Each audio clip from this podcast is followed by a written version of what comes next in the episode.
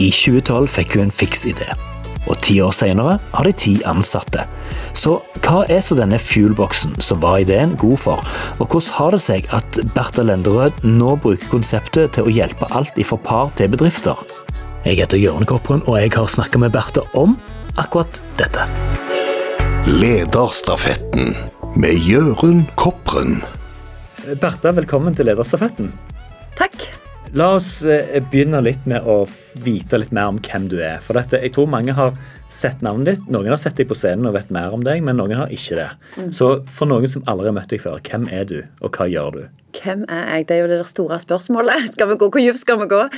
Nei, altså, eh, I min verden så er jo jeg ei vanlig dame fra Bryne med godt gift og får fire unger, og som er så heldig at jeg har fått skapt min egen arbeidsplass, der jeg jobber med de mest fantastiske folka hver eneste dag, med noe som jeg brenner enormt for.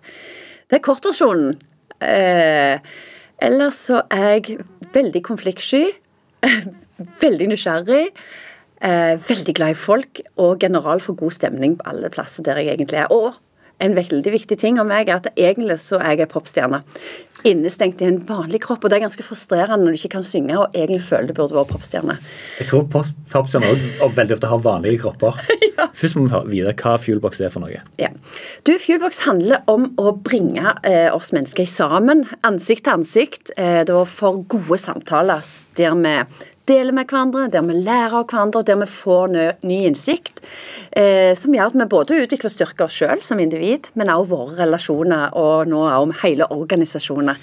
Det er et verktøy som består av åpne, nøye utvalgte spørsmål eh, for ulike relasjoner og ulike arenaer, for å sette i gang disse refleksjonene og samtalene. Dette er i form av noen kart som du trekker ut av en bunke.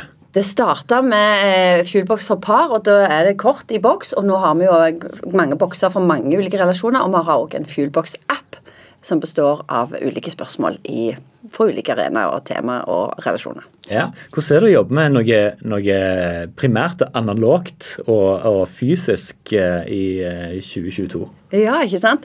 Du, Det er egentlig veldig bra. For dette. jeg tror i dag eh, så kan vi eh, altså Vi har tilgang på fantastiske podkaster sånn som dette. Vi har tilgang på masse medier, YouTube, vi kan lese masse litteratur. Vi vet egentlig hva som gjelder. Vi vet hva som er viktig både i parforholdet, i, i teamet, i ledergrupper. Vi vet hva som eh, skal til. Det vi gjerne har skått litt på, som vi sliter mer med, er hvordan skal vi gjøre det. Og Mange ganger så handler det om kommunikasjon. Hvordan skal vi snakke sammen for å ha det bra sammen og få det til i sammen? Og det å kunne levere et konkret analogt, eller nå også for så vidt digitalt, verktøy som kan være i hauet, altså hvordan gjør du det?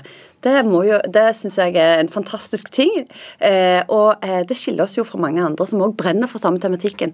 Det at vi faktisk kan hjelpe folk å ha de samtalene sjøl, ikke bare lese om de eller høre om de.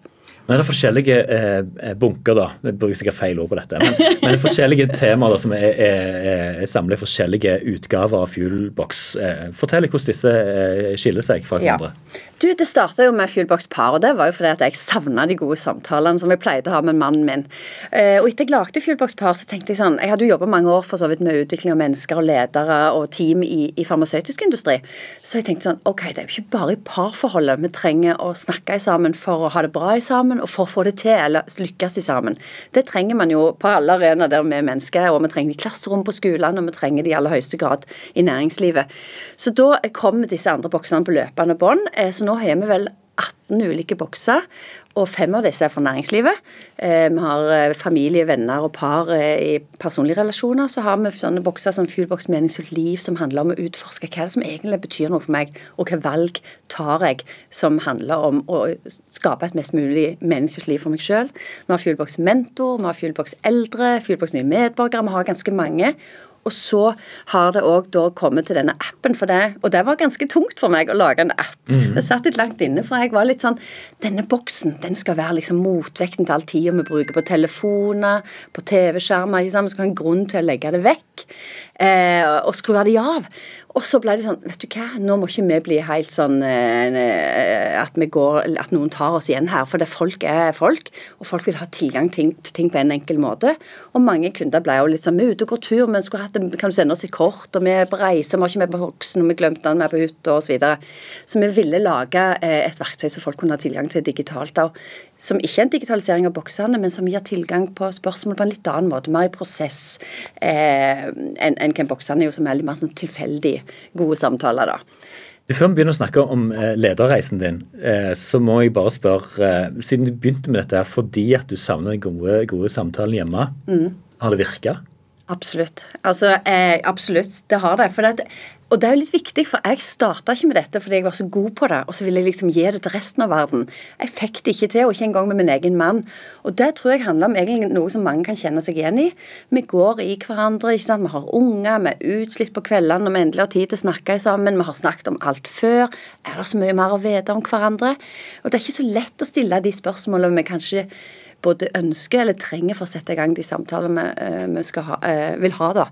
Så jeg, jeg, For oss har det blitt sånn at vi jobber jo i samme navn nå. Thomas jobber jo i Fuelbox, har gjort det i tre år, og vi brenner jo for dette. Vi snakker altfor mye om jobb, sikkert. Vi snakker jo selvfølgelig mye om ungene. Jeg kjenner at jeg trenger at vi av og til snakker om oss. Jeg trenger å få påminnelser på hva han falt for hos meg, eller hva han ofte får dårlig samvittighet for, eller hva han drømmer om å gjøre, eller hva det måtte være. Og de samtalene de må jeg det skal jeg innrømme òg, at jeg må tvinge litt gjennom. Så jeg har sagt til Thomas vi skal ha eh, fuelbox-session eh, hver fredag. Når jeg lager taco eller pizza, så må han sitte på andre sida av kjøkkenbenken og drikke vin med meg og skavle. Og det gjør vi hver fredag, og det er fantastisk. Ja, men vi kobler oss på hverandre på en annen måte. Men vi må sette det i system, hvis ikke så er det jo mye enklere enklere å bare eh, at han ligger på sofaen og leser Finansavisen, og jeg står med et eller annet Ja, sant? Og så legger vi det bare vekk. Så, så, vi må liksom sette det i system. Alltid når vi reiser på kjærestetur, så har vi det med oss, osv. Og, så og jeg syns min mann er så klok når vi har de samtalene. Selv om han på morgenen var ganske irriterende, så får jeg liksom den der påminnelsen om hvorfor jeg liker han.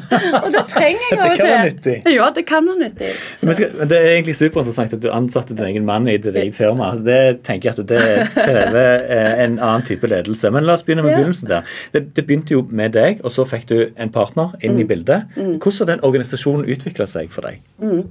Du, Ganske tidlig så traff jeg eh, Tonje Flakk, som for så vidt er fra Stavanger, men eh, bor i Oslo, og fikk med henne. Eh, og da jobba jo Da var jo jeg på en måte lederen, selvfølgelig, men, men vi jobba jo veldig side om side og drev dette framover. Og Fuelbox hadde ikke vært det i dag hvis det ikke var for Tonje. Og så så vi jo at dette går jo mye bedre enn vi hadde tort å drømme om, og det åpnet seg masse muligheter. og vi ansatte etter hvert noen som kunne håndtere fakturaene og kundebehandlingene på, på, på, eh, på nettbutikkene våre, både i Norge, og Danmark, og Sverige og World. Så da fikk vi med oss Camilla. Så var vi tre stykker ganske lenge. Men så så vi jo at vi begynte å få mer og mer oppdrag ute i næringslivet. Og der må vi jo ha manpower. Der må vi jo ut og levere. Og da har vi fått med oss eh, de resterende gjengen, bl.a. min mann. Eh, så nå er vi altså da ni stykk i selskapet, og vi skal ut med en stillingsutlysning nå i denne måneden. Eh, så vi skal få om bord person nummer ti ganske snart. Så det har vokst litt sånn jevnt og trutt. Eh, og vi trenger egentlig flere folk, eh, for nå, vi, nå satser vi veldig framover. Hvordan organiserer du dette? Selv om dere har vokst kraftig, så er det fortsatt en, en, en liten til mellomstor bedrift. Hvordan er, hvordan er, det organisert? Ja, eh, Gode spørsmål. Altså, vi, Jeg er jo da fortsatt eh, holdt på å si, CEO og leder for denne gjengen. Jeg har med meg det vi kaller for relasjonsarkitekter. Vi er fem stykker som jobber som relasjonsarkitekter ute i næringslivet. Og hjelper næringslivet å bygge eh, menneskedimensjonen, for å si det. Ja, så det er ikke bare internt at de relasjonene må være på plass? Var det det jeg trodde i starten, ja. at du var relasjonsarkitekt? Av den grunn? Internt hos oss sjøl? Ja. ja, det gjør vi òg, for så vidt. Vi walk the talk. Men uh, den uh, rollen er jo det vi tar ute hos våre kunder. Og Der er vi fem stykk, og dette er jo utrolig kompetente seniorfolk. Så jeg vil jo si at vi har jo en veldig flat struktur. Så eh, Der jeg på en måte har overordnet ansvar, sørger for at alle er med, og at alle har, har full autonomi, og, og, den, og vi diskuterer. og Dette er jo òg ledergruppa vår. Og så har vi de som er mer på ressurssiden, som leverer inn støtte både på digital markedsføring og på på behandling av ordre, faktura, kundebehandling osv. Eh, og så har vi Thomas, som er direktør for det kjedelige eh, i min verden, eh, og han gjør alt. så det er han som holder oss sammen. Og vi hadde kollapsa hvis Thomas ikke hadde vært på jobb. Så han har på en måte jeg, det, som, det, kan jeg jo si litt i forhold til det å være leder. Jeg har jo har for så vidt jobba som leder før, men jeg hadde aldri jobba som leder med et så stort ansvar som jeg har nå, og det kjenner jeg veldig på. Og jeg er nok en people person. Jeg er enormt opptatt av folk, og at folk skal ha det bra og kunne levere bra under gode gode forutsetninger. Og så er det jo ganske mye annet du skal ha ansvar for som leder. og Alt fra tall ikke sant, til sånne voksne ting, som jeg liker å si det. Og det er ikke jeg så veldig trent i, og har heller ikke så veldig lyst til, til å holde på med, fordi at jeg har lyst til å bruke tida på mine folk, og ute og levere hos kunder. Så Thomas og meg vi har på en måte en litt sånn delt eh, lederansvar eh, i, vår, eh, i, vår, organisasjon, der han tar seg av mye av det formelle, eh, mens jeg eh, gjør alt det gøye. Men du, kjenner, du, sa, du sa du kjente på ansvaret ved det å være leder. Hva er det du kjenner på da? Jeg kjenner på et ansvar i forhold til at eh, jeg har jo ansvar for arbeidsplassen til folk. Eh, for meg så er jobb utrolig viktig, og det er det for de som jobber med som jeg òg. Vi brenner enormt for dette. og det, det, kjenner jeg veldig på at det er mitt ansvar at de har en fantastisk arbeidsplass. De bruker mange timer av døgnet sitt på jobb i, dag etter dag. Jeg ønsker at den arbeidsplassen skal være noe som gir dem påfyll, som gir mening. Det er én ting. Og så skal dette gå rundt òg. Du skal jo betale dem lønn, og så skal de ha kontor, og så skal de ha alle de systemene som skal virke. Så det er liksom når, du vokser, da, så blir det ansvaret større både for folka, men også i forhold til både kostnader og inntekter. Sånne ting syns jeg er litt skummelt. Eh, så det er veldig godt å kunne lene seg på gode sparringspartnere internt. Da. Så det er de tingene jeg kjenner på at eh, jo mer vi vokser, jo større eh, føler jeg liksom ansvaret er på at, at, ja, du har et større ansvar for det så mer ting å ha ansvar for. da. Mm. Eh, Det tynger meg litt, for det har jeg aldri hatt før. så jeg i min ledergjerning så føler jeg at det, det, har vært litt sånn learning by doing. Og en av de første samtalene jeg hadde når vi fikk om bord de siste ansatte, var at jeg tok en samling med alle, og så sa jeg at jeg vil veldig gjerne være lederen deres hvis dere vil det, for det ga de veldig uttrykk for at de ville. Men da er jeg veldig avhengig av å få formidla til dere at jeg trenger å få lov å vokse inn i rollen. Og det eneste som kan gjøre meg bedre i min lederrolle, det er dere. Eh, så jeg trenger hjelp til å bli god for dere, eh, og jeg trenger da tilbakemelding. Eh, så, og det, eh, Jeg har en av mine ansatte som er min faste ledercoach, og det er jo litt løye, for jeg er hennes leder. Um, og jeg sperrer mye med Thomas, som hjelper meg å gjøre mine på en måte utøve mitt lederansvar. Um, men jeg får veldig jeg, jeg føler jeg blir møtt internt veldig med sånn forståelse, og folk vil at vi skal lykkes i sammen, og det betyr at jeg også skal lykkes med, som leder. Jeg har, jeg har jo snoka litt i kortene dine, nesten bokstavelig talt. Der er det bare sagt at det, når dere var seks stykker så, så, gikk dere sammen og, og, snakket om dette, at dette skal være din lederrolle. Og akkurat det som du sa nå, mm. at du hadde en coach-hjelp til dette. Hva var det som gjorde at du var så bevisst på at det måtte skje for at dette skulle fungere? Mm. Det handler nok litt om at jeg jobber jo innenfor denne tematikken. Jeg har jo lært mye selv gjennom å ha gode ledere, og også har opplevd dårlige ledere. Og jeg er ute og jobber med næringsliv for dette. Jeg er jo ute og trener ledere, så jeg vet jo, jeg kan teorien. Jeg vet hva som er viktig, jeg vet forskningen. Og så er det noe med det skomakerens barn da, når man skal gjøre det sjøl. Og da vet jeg òg hvor viktig det er å være en god leder for at folk skal ha det bra og prestere bra. Eh, sånn at Derfor vil jeg veldig gjerne spille på en måte med åpne kort og, og, involvere mine ansatte i det som er min reise. da. Og jeg tror, jeg tror veldig på at når du har sagt ting høyt, så blir ting mye lettere. ikke sant? Da er det plutselig lov å gå på trynet, det er nå én ting. Det er plutselig lov å bli redd og si fy sånn, nå føler jeg at jeg ikke er nok til stede. Og den har jeg òg hatt. Jeg har sittet på Teams og, og begynt å grine. Det var ikke planlagt, men det gjorde jeg. Der jeg måtte si til mine ansatte jeg føler ikke jeg er nok til stede nå. Jeg sprang rundt, jeg hadde så mange foredrag i uka. Jeg var over alle hauger hele veien. Og jeg visste ikke hva de holdt på med. De klarte seg godt, de er kjempedyktige. Men jeg hadde så behov for å si det. Eh, så snakket jeg med en av mine kollegaer, fantastiske Kjetil Gustavsson. Så sa jeg til han jeg strever med dette nå, så sa han si det til teamet. Og så gjorde jeg det. Og bare det er jo en sånn bør av skulderen for meg. Og så fikk jeg en kjempegod respons som ga meg mer motivasjon til å tenke på vet du hva, jeg kan være leder. Jeg trenger ikke gi opp nå. Eh, fordi, fordi de forventer ikke mer enn det jeg kan gi, fordi at de vet hvorfor. Så det er noe med å snakke i kort da, og, og, ja, og ha den dialogen. da. Men nå snakker vi om å være god leder. Mm. Går det an å si noe hva det betyr? Ja, det jeg går sikkert an å si veldig mye om det. Eh, jeg har jo mine tanker om det. og Jeg har en liten sånn enkel Jeg, jeg er ikke sånn som husker så mye ting. så Jeg er ikke så god på å huske mye. Så jeg må ha det enkelt. Og jeg har den der Jeg har delt opp ordet ledelse i le, del, se. Altså det er å være en leder som skaper en arbeidsplass eh, der vi kan le masse. Der vi kan ha det gøy sammen. Der vi har humor. Humor tror jeg er enormt viktig. Eh, det, le av det der, der, som er meningsfullt. Sant? Det er god stemning. Det er viktig for meg som leder. Å skape den arbeidsplassen der folk har lyst til å komme, har lyst til å være en del av. Henge med den gjengen. sant? Dele for meg handler om eh, å, å, å, sørge for at det, det, er rom for å dele med hverandre. Og lære av hverandre. Og si ifra, sånn som jeg gjorde den ene gangen. At jeg sa du, nå strever jeg, jeg føler ikke jeg er en god leder for dere. Og det har jo så lyst til å være at det tynger meg. Det er bare å dele det og være åpen og, og kanskje litt mer sårbar på det.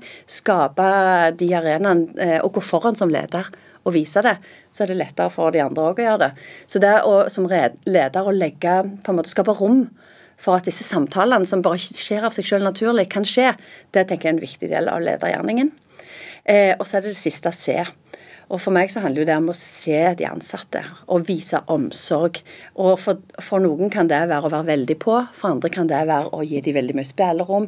Eh, det handler jo alltid om feedback på et eller annet nivå. Så det å se medarbeiderne, men òg legge til rette for at de kan se hverandre.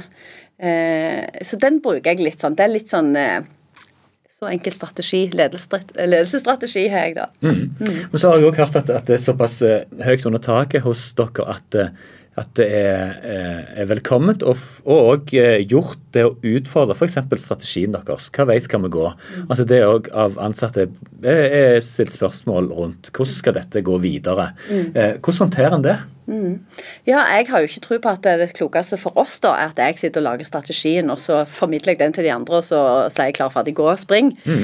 Eh, så vi jobber jo med den veldig tett i sammen. Eh, både alle i ledergruppen, eh, men òg i workshopper, og tar ulikt ansvar. Jeg tror det der å sperre på og finne ut, gå liksom, ta til noen to skritt tilbake og si hva er det egentlig vi ønsker å bidra med?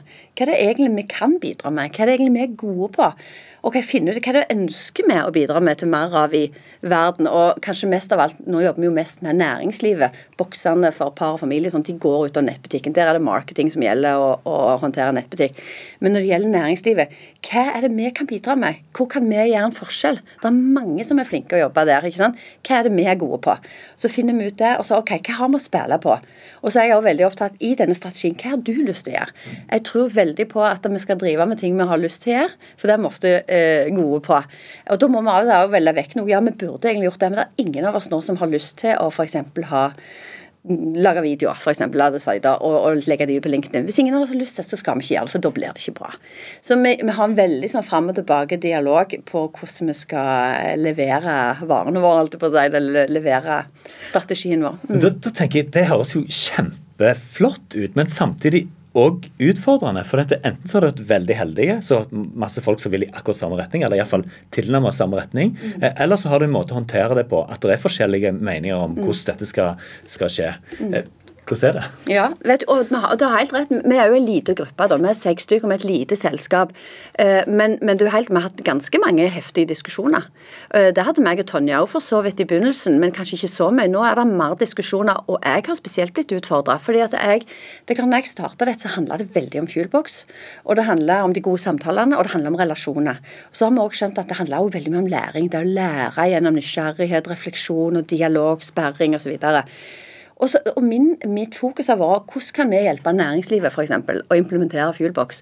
Så kommer det inn nyansatte som, eh, som utfordrer det og sier men boksen er jo bare et verktøy. Hva er det Egil måler på med? Og vil liksom parkere boksen min litt. Altså, hallo? Ja. Ikke sant vel? Jo, men den, Og den måtte jeg gå noen runder på. Og, og så utfordre de og fortelle hvem egentlig holder på, hvordan de ser det. Og der blir jeg litt sånn jeg har valgt å ansette dem fordi de er eksepsjonelt kloke, dyktige folk som jeg. Jeg ser ikke CV. Jeg har aldri lest CV-en på noen jeg har ansatt. Det er sant? Ikke i det hele tatt? Ingen CV. Kjetil sier eksempel Da stoler du ganske heftig på magefølelsen. Ja, ja, ja, Han ene hos meg sier alltid hvis du hadde lest CV-en min, Bertha, så hadde du visst dette. Men jeg har ikke lest CV-en hans. For det jeg stol, Ja, magefølelsen, men det har jo fulgt folk. Jeg ser jo hva de står for. Jeg ser hva folk de omgir seg med, hva de brenner for. Jeg har opplevd de som i en-til-en-dialog og i sosiale settinger. Og for meg så han, du, du ansetter folk. Sant? Du ansetter folk som du skal lykkes med, brenne med, feile med, eh, være lei deg med, være superhappy med. Sant? Så, eh, sånn at dette er jo kjempeflinke folk så jeg har ment de kan løfte Fuelbox, og det gjør de. Så dette med relasjonsarkitekter, det er jo noe som vi har begynt å jobbe mer og mer med de siste årene. Vi ser at vi går ikke bare inn og leverer et foredrag som skal inspirere og selge bokser. Vi hjelper jo organisasjoner å bygge strukturer for å eh, øke relasjonskompetanse, eller for å bygge relasjonene internt kontinuerlig. Fuelbox er bare ett av verktøyene. Og det mest unike verktøyet som skiller oss fra andre, selvfølgelig. Men allikevel så har det havna lenger bak. Og det var ikke jeg. Der er det de andre som har kommet på, og takk og lov for det. Nå makes sense, men jeg måtte nok gå det var nok den som måtte gå lengst runder, og, og, og flest runder for, før jeg liksom aksepterte det. Men jeg har lyst til å snakke litt mer om, om hvordan, eh, hvordan, du kan bruke denne boksen i, i, næringslivet utover. Men først vil jeg bare høre litt på, på altså, hvis, dere ser, hvis, dere, hvis du blir utfordret på din tankegang og strategi, mm. og du ser at dette, okay, dette var, det var lurt å høre på, det er noe i det, jeg må ta det til meg, jeg må mm. vri litt.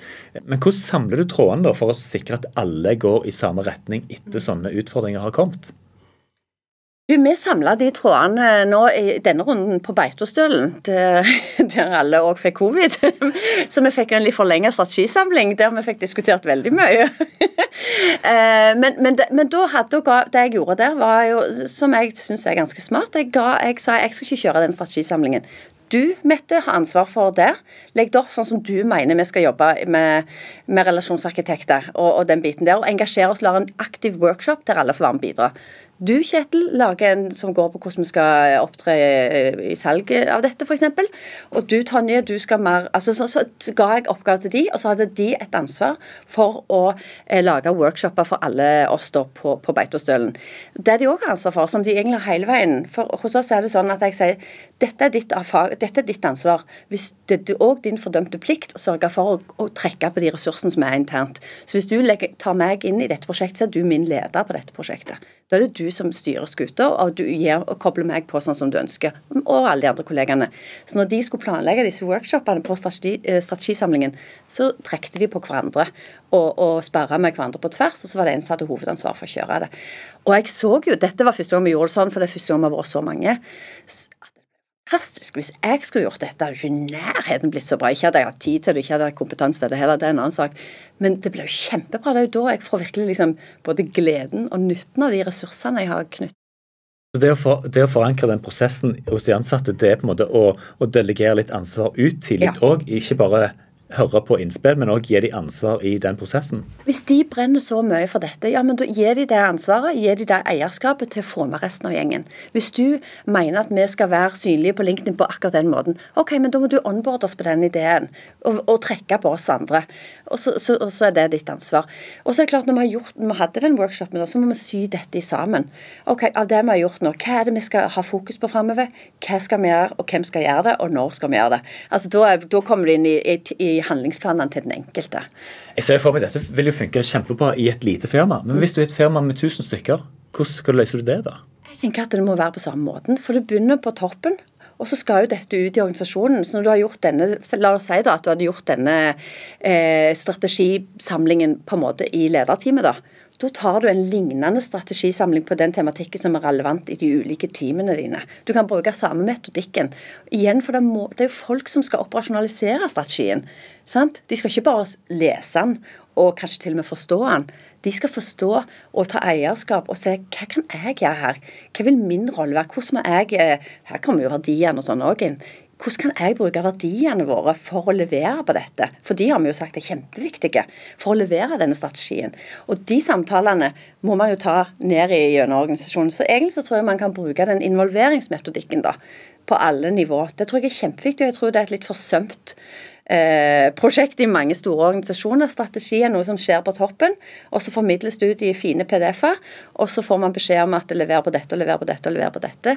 Men jeg tror det å engasjere mer folk, det tror jeg blir viktig når folk er Folk vil eh, kjenne at de er med og bidrar de betyr noe. Både for de de jobber med, men for òg resultatet og det som skal skje. Kjempeinteressant. Men jeg tenker på, Når du skal få dem til å le, du skal se dem, eh, men tenk på et eller annet plan så må du òg stille krav til dem. Så du var så vidt innom her nå. Når er du streng, og hva er du streng på? Oh, det er sikkert det jeg er absolutt dårligst på. Men jo, og det, og det, tror jeg kanskje jeg er. Men også har jeg alltid unnskyldt meg selv med at jeg har så flinke folk at jeg trenger ikke gå det i sømmene og være strenge. De leverer over forventning hele veien foreløpig. Så den dagen når min organisasjon er sånn at jeg må gå og være frøken streng, så kan det være jeg kommer til å streve litt. Men eh, jeg ser jo, i takt med vår vekst, så ser jeg at vi har fått enormt behov for å systematisere ting. Vi har fått mye mer behov for å sette ting ned på papiret. Så det å lage eh, på en måte den strategien vår så synlig som man har gjort, sånn, så tydelig i en presentasjon, med, eh, eh med handlingsplaner for hver enkelt, eh, det er noe vi begynte med for eh, to år siden. Og Det som er litt kult med det dokumentet, det er jo et levende dokument som er hele veien inne og jobber i, som alle har tilgang til. Så alle kan gå inn og se. og Hvis du Jørn hadde jobbet som meg, så hadde vi kunne, kunne, gått inn og se. Ja, Men Jørn han jobber jo ingenting med dette som står i hans plan. Det, er veldig transparent. da.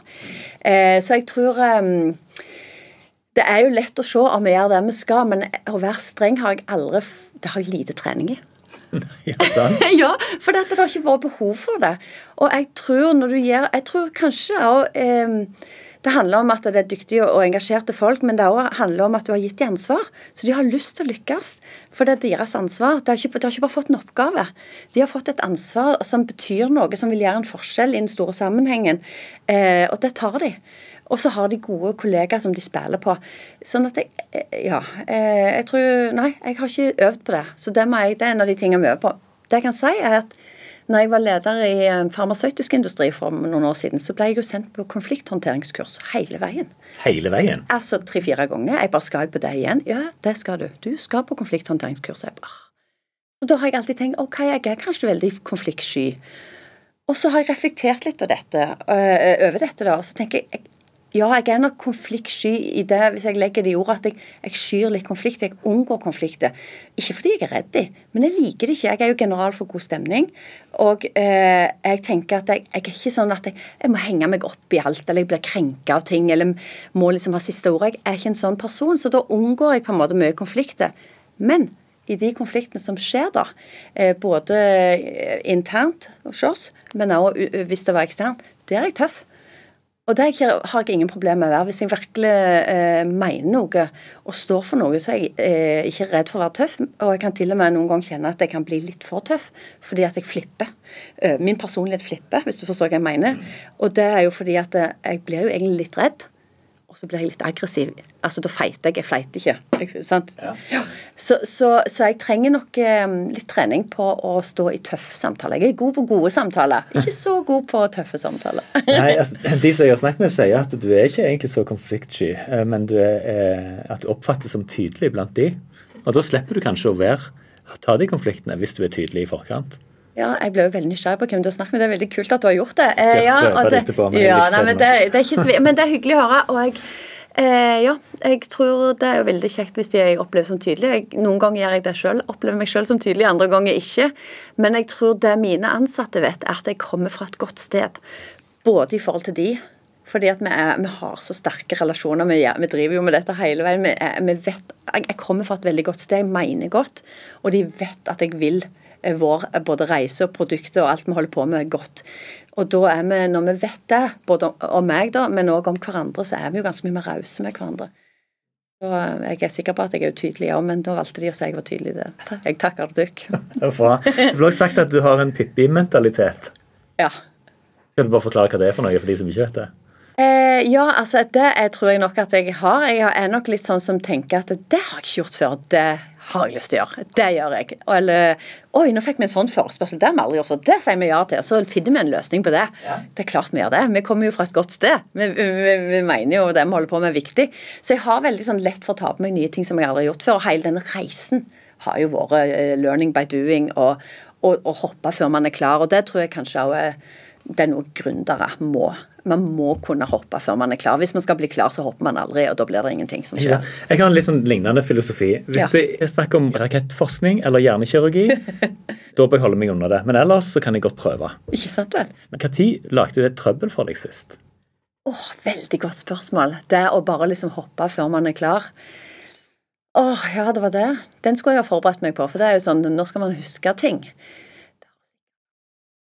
Du kan jo si at det har gått bra alle gangene. Nei, jeg har jo jeg, det, der, jeg har, eh, Men jeg har episoder der jeg har vært veldig flau over meg sjøl. Men jeg vet ikke om det var fordi jeg hoppet før jeg var klar. Men kanskje til en viss grad. Nå er jo det ganske lenge siden, så jeg vet ikke om det gjelder. Da var, da var jeg ansatt i farmasøytisk industri. og og sa ja takk til å være med i styret som ansattes representant. Og dette var et internasjonalt styre, så det kom jo inn folk og ledere fra Italia og Sveits og rundt overalt, og de var jo veldig høye, mørke menn og flotte dresser. Og der kom Barta fra Bryne på dette kontoret i Oslo og var de ansattes representant. Og jeg tenkte det har jeg aldri, aldri vært et styrerom, aldri vært et styre, men det får jeg nok til. Jeg var nok litt der da òg. Og så husker jeg så godt at vi hadde en, en, runde på presentasjonsrunde, da. Der disse her, de var jo direktører for ditt og datt og veldig mye finans, selvfølgelig. Og så tenkte jeg her var det ikke mye god stemning, tenkte nok jeg uten at jeg tenkte det, men det var nok det som gikk gjennom hodet mitt. Og alle bare liksom var dreiv med det og var liksom kunne mye om alt og, og, ting, og, penger og sånne ting som jeg ikke kan noen ting om, eller kunne noe om da heller.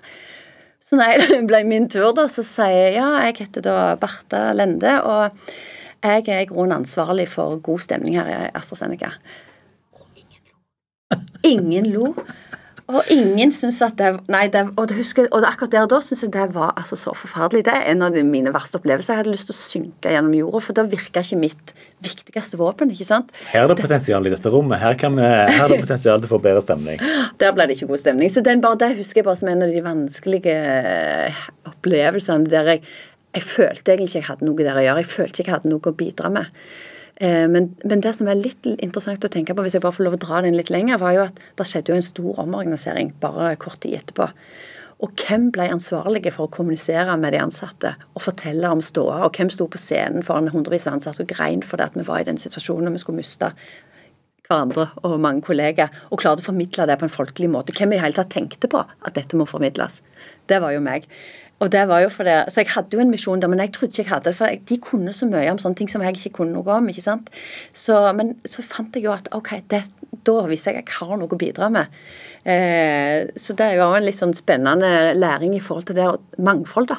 Ikke sant? Og Å invitere eh, alle til bordet og, og, lytte til de ulike perspektivene når man kommer inn sånn. Jeg var jo hva var jeg, 28 år, ikke sant. Eh, og for, da òg veldig opptatt av folk. Kunne ingenting om penger.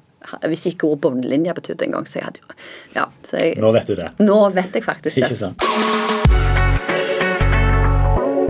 Det, det høres jo kjekt ut å være leder hvis du bare skal invitere litt til bord og ha god stemning, og så lager vi en bedrift, og så åpner vi mange land, og så har vi flere produkter, og så går alt så mye bedre. Men er, er det sånn? Altså, er det virkeligheten? Nei, det er, ikke, det er jo ikke, bare god stemning. Uh, sånn, altså, vi driver jo med serious business. Vi mener jo at det vi holder på med er skikkelig viktig. Uh, sånn at uh, det har vært krevende. Det har både jobbmessig og tids, altså med alt vi holder på med. Det har vært skummelt. Det har vært mange avgjørelser, vanskelige avgjørelser som man hele veien tar på manglende grunnlag, på magefølelse. Jeg har tatt utrolig mye magefølelseavgjørelser. Og det er jo litt sånn det har egentlig funka, men nå føler jeg eh, Jørgen, at vi er på liksom et sånn nivå i Fuelbox at nå tør jeg ikke hele veien ta mageavgjørelsene lenger. Sant? Du føler at nå, nå, Og da trenger jeg jo andre folk. Da trenger jeg at f.eks. Thomas er veldig flink til å lese og forstå tall. Da trenger jeg Tonje, som er veldig flink til å tenke helhet og se stort på det. Ikke sant? Så Da trenger jeg jo mine ansatte enda mer for å kunne ta gode avgjørelser. Ja, Men samtidig kommer vi tilbake til din magefølelse, og jeg tror ikke du skal legge den på hylla helt ennå. Nei, jeg kan jo ikke det. Og, og det er veldig viktig viktig for meg at, at, vi holder på med det som jeg mener er viktig, og, og, og driver med det som er, er vår purpose. da, ikke sant? Og skal, vi skal få, vi skal fjule verden, og vi skal få folk til å snakke sammen og ha samtaler som endrer mindset og liv.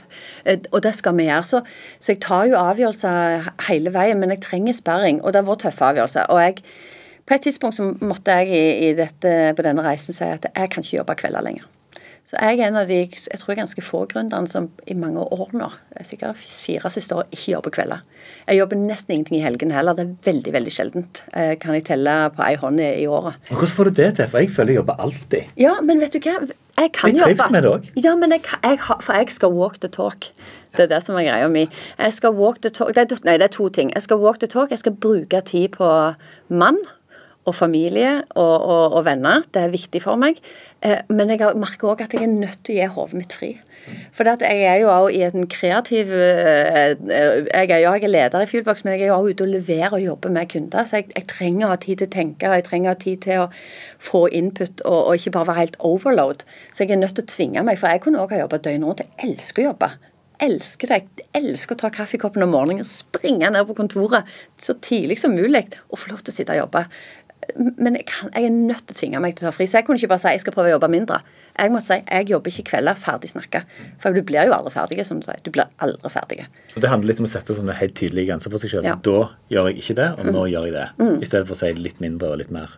Nettopp. Ja. Og så hadde jeg en fantastisk mentor i mange år, Mari Espedal. Eh, og hun snakket jeg mye, mye med når vi vokste som selskap, og jeg skulle vokse som leder. Og det var utrolig nyttig. Og en av de tingene som jeg, var sånn moment som står ut i de samtalene som var enormt viktig for meg, det var når Mari spurte meg ja, Bartha, hva er det som egentlig er eh, hva det, hva Når er du liksom lykkelig? Altså når, når, når gir livet ditt mest mening? Ditt privatliv. Hva er det som er enormt viktig for deg å ta vare på? Uten å tenke på det, så bare kom det til meg. Det er fredagen. Det er fredagen å kunne gå tidlig fra jobb, springe en tur, og så ta åpne vinen. Og så må Thomas tvinge Thomas til å sitte og snakke med meg mens jeg lager mat, og ungene surrer rundt. Altså I akkurat det øyeblikket der så er jeg utrolig happy. Og den eh, refleksjonen og den samtalen vi hadde rundt det, gjorde at jeg begynte å si nei til oppdrag på fredager. For det, den er, dagen er nesten sånn hellige. Eh, så i mange år så sa jeg nei. Nå gjør jeg ikke det, for nå trenger jeg oppdrag. men, da, sånn, men, men fortsatt er- Nå er det jo ikke så mye som skjer på fredager lenger, men, men, men det var bare det der å finne ut hva som betyr noe. Og ta avgjørelser i forhold til det tror jeg er enormt viktig. Og spesielt også når du er eh, leder, for du har tid er en knapp ressurs for oss alle, men også som leder, å finne ut OK, vi skal bruke halvannen time hver tirsdag i vårt team med hele gjengen. Ni stykk som bruker halvannen time av arbeidstida si til å trekke fra Fuelbox og ha gode samtaler. Der vi lærer sammen, der vi griner, der vi deler vanskelige ting. Der vi også får litt diskusjoner, for det kan være noen tøffe samtaler. Vi skal gjøre det. Det er walk the talk, men vi ser jo også at det er viktig for oss. Det planlagte ongoing teambuilding du holder på med. Vi har det hver tirsdag, og det må vi ha. Og så um, har jeg det i min privatrelasjon med Thomas. Vi har det hver fredag. Eh, men vi har òg i Ja, det kan jeg ta som tips senere. Jeg har et veldig spennende tips. Ja, veldig bra. Jeg gleder oss til det. Vi kommer tilbake til Ja. det senere. Det er jo masse vi kunne snakket om nå. Vi skal prøve å squeeze inn et par ting til. Hva forhold har dere til visjoner? Du, Vi har hatt en veldig tydelig visjon som faktisk har stått tydelig i alle våre år. Og vår visjon er We are going to fuel the world with great conversation that change minds and lives. Ja, og den, den, den trekker vi på. Den ser vi på, den snakker vi om. Er vi der nå? Er dette i henhold til vår visjon? Eh, og flere av de som har hos som kommer fra andre store organisasjoner, sier også at de, de har aldri jobbet i et selskap som har vært så aktiv og forholdt seg så aktivt til visjonen, men ikke minst av verdiene. Hva verdier er det som da ligger under den visjonen, som understøtter den? De har faktisk endra seg litt, men nå har de stått stødig de fire siste årene, tre-fire siste årene. og det er at vi skal være nysgjerrige. Både på hverandre som mennesker, men òg på fagfeltet vi jobber innenfor.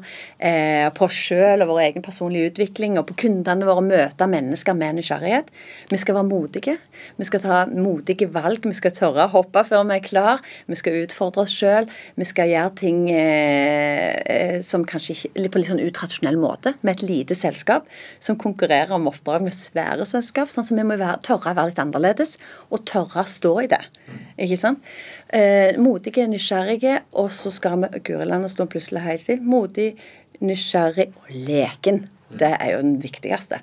Og det henger også litt sånn at vi skal være litt utradisjonelle. Vi skal være lekne i måten vi fremstår utad, men ikke minst også innad.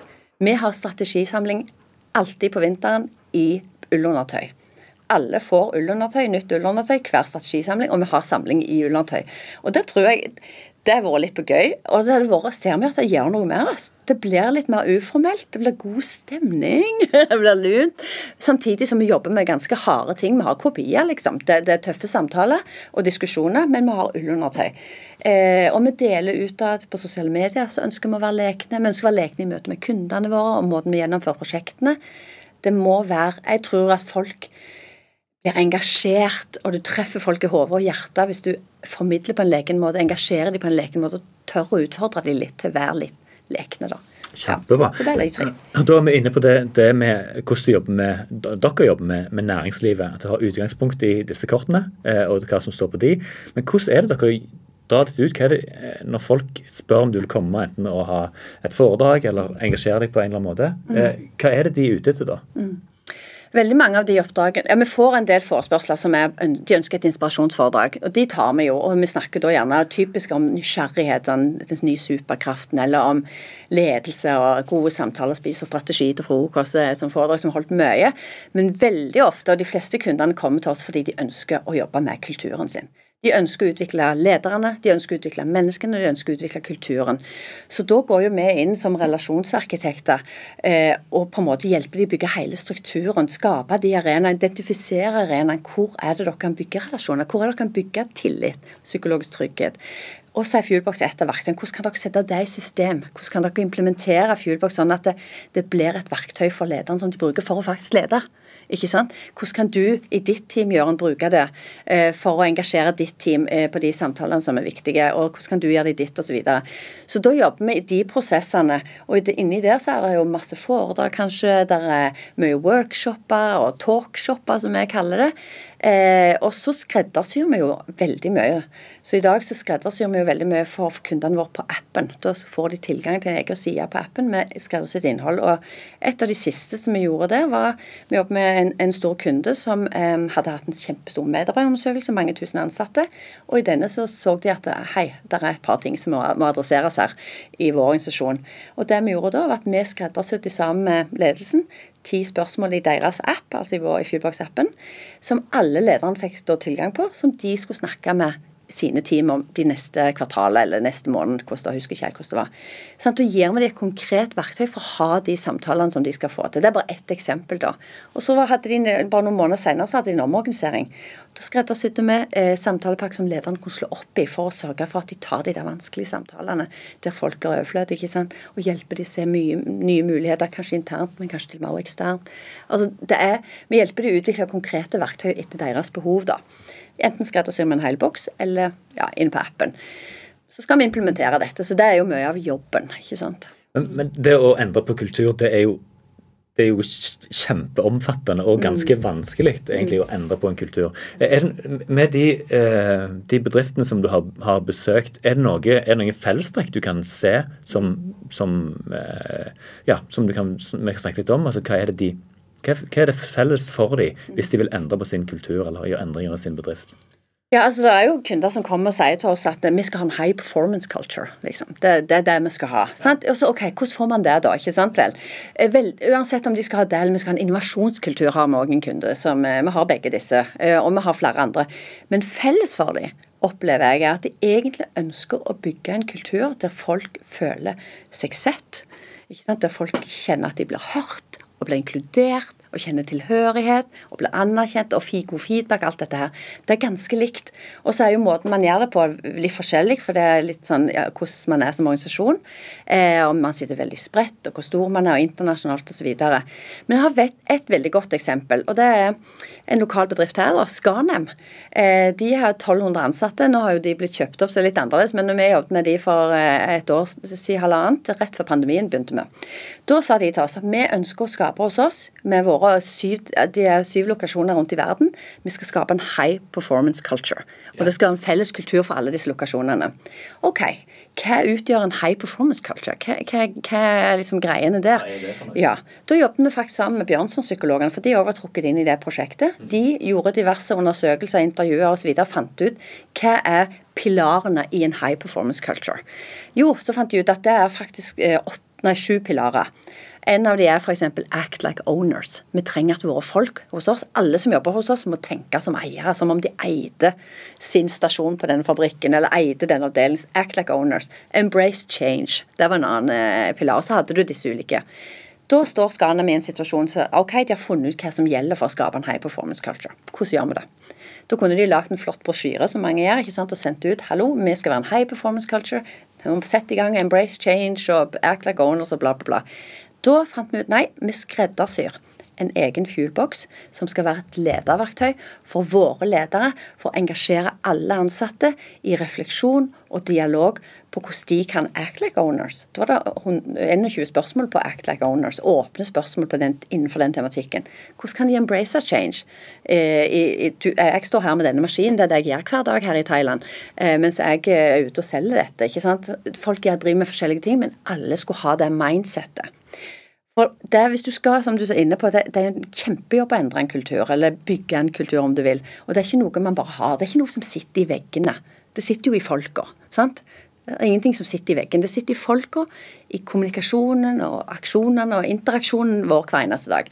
Så da må du begynne å øve jevnlig og over tid. Skal du endre folk, atferd, kultur, så må du gjøre det jevnlig over tid.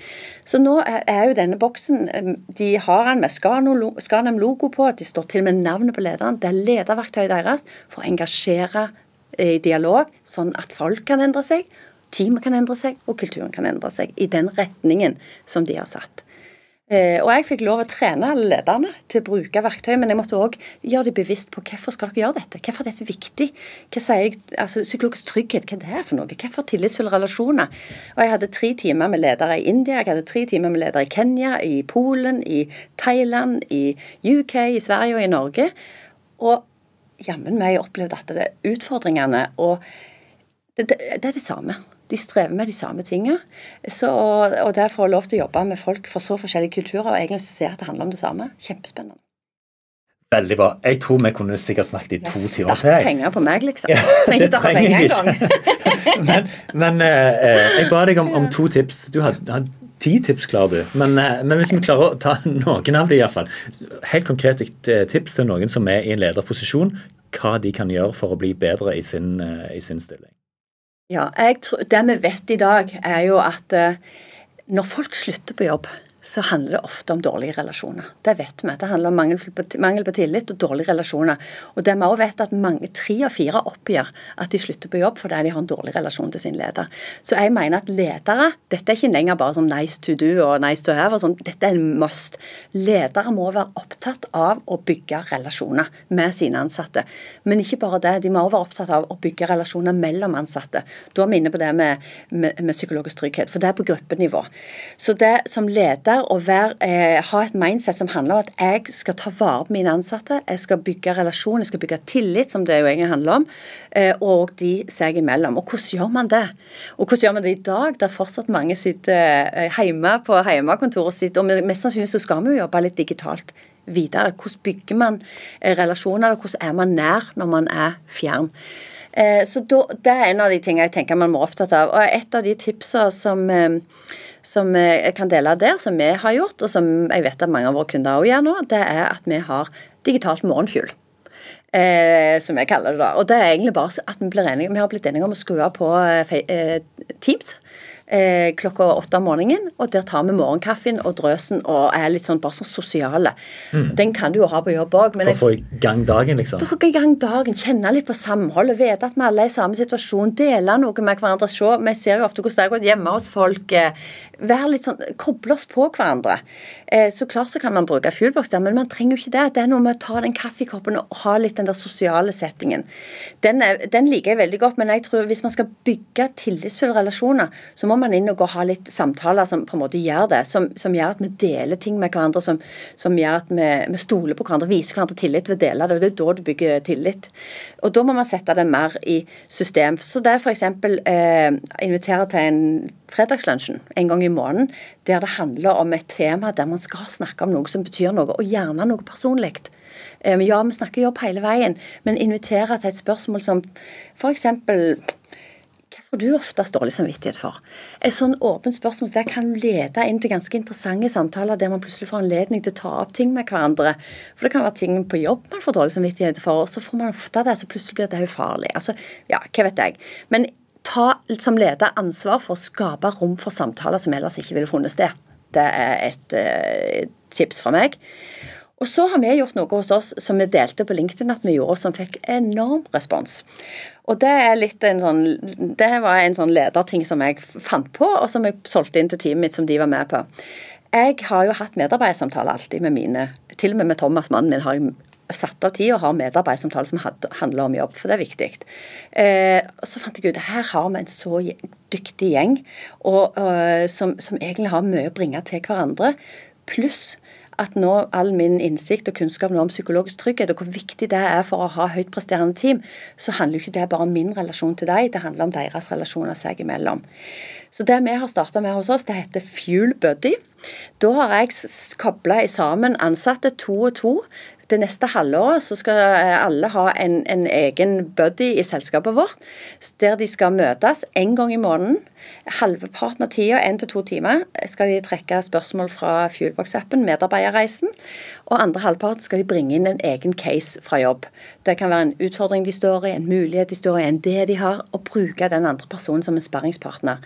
Og så har jeg sagt det at kommer det her opp ting som, eh, som, dere finner ut at oi, dette burde du egentlig snakke med Barthe om, eller med din leder, det er jo noen andre også som har lederansvar for personer hos oss, så skal de ta det, hjelpe dem og ta dem videre. ikke sant? Sparre med dem og ta det videre sjøl, eller ta det videre for dem, hva som er nødvendig. Men det der å skape de samtalene sånn på tvers i en organisasjon, det gjør jo noe med relasjonene, det gjør noe med kunnskaps- og erfaringsutveksling og deling, eh, og det gjør noe med psykologisk trygghet. Så den, eh, den tror jeg litt på, og det kan man jo gjøre digitalt. Man kan koble sammen folk eh, på kryss og tvers i landet og dra veksel på alt det som fins av kompetanse i selskapet og guts og engasjement. Veldig bra. Jeg må jo bare spørre helt til slutt. For dette, du har ansatt din egen mann. Du har ansatt eh, noen som har vært din tidligere leder. Ja. Du har ansatt ei venninne. Ja. Altså, vi kan jo bare ta det så enkelt som Hvordan er det å ha medarbeidersamtale med sin egen mann? Jo, vet du hva? En av de kloke tingene vi gjorde når Thomas skulle begynne hos oss, var at vi bestilte timer som min mentor. Og to hele dager hos henne. Så sa jeg nå skal Thomas begynne hos oss. Vi er nødt til å snakke med deg for at jeg vil sikre meg at vi gjør dette på en god måte. Jeg er livredd for å miste det vi har som par når vi gjør dette. Men jeg trenger Thomas sin kompetanse. Vi er der nå at vi har råd til å ansette han, for han jobbet i olja. Så vi tok to hele dager, eh, der jeg gikk med inn med mitt mindset var at nå skal jeg få en fyr som kommer og avlaster meg. Ikke en sekretærassistent, men mer sånn nå skal jeg få en fyr som avlaster meg. Jeg gikk ut derifra med en tung leder, liksom. Jeg, har ikke lest hans CV heller, selvfølgelig. Sånn at det, men, men det, og det var kjempespennende. Jo, for da skjønte jeg hvor mye han kom til å kunne bidra med. Men så fikk vi òg liksom, tatt brodden av en del ting som var bekymringene våre oss som par og lagd liksom kjøreregler. Eh, så da sa vi det at medarbeidersamtale det skal vi kjøre. Thomas har behov for å bli sett på jobb av en leder, han òg. Eh, han har behov for å få tilbakemeldinger som kanskje ikke er like naturlig at alle andre gjør han. Så, eh, så det, det, har vi kjørt, og det har vært en veldig sånn fin arena til å kunne ta opp ting. Men Hva skiller du? Kalle inn i kalenderen. Ja. Står medarbeidersamtale. Sett av tida. Har samme struktur med han som med Anne Sofie, som var min tidligere leder, som er min nå sparringspartner som leder, for hun er en av de beste lederne jeg har hatt. Eh, som setter av tid og gjør det veldig formelt. Og vi tar oss selv på høyeste alvor, selv om vi er opptatt av å le og ha det gøy. For vi mener at dette her er utrolig viktig.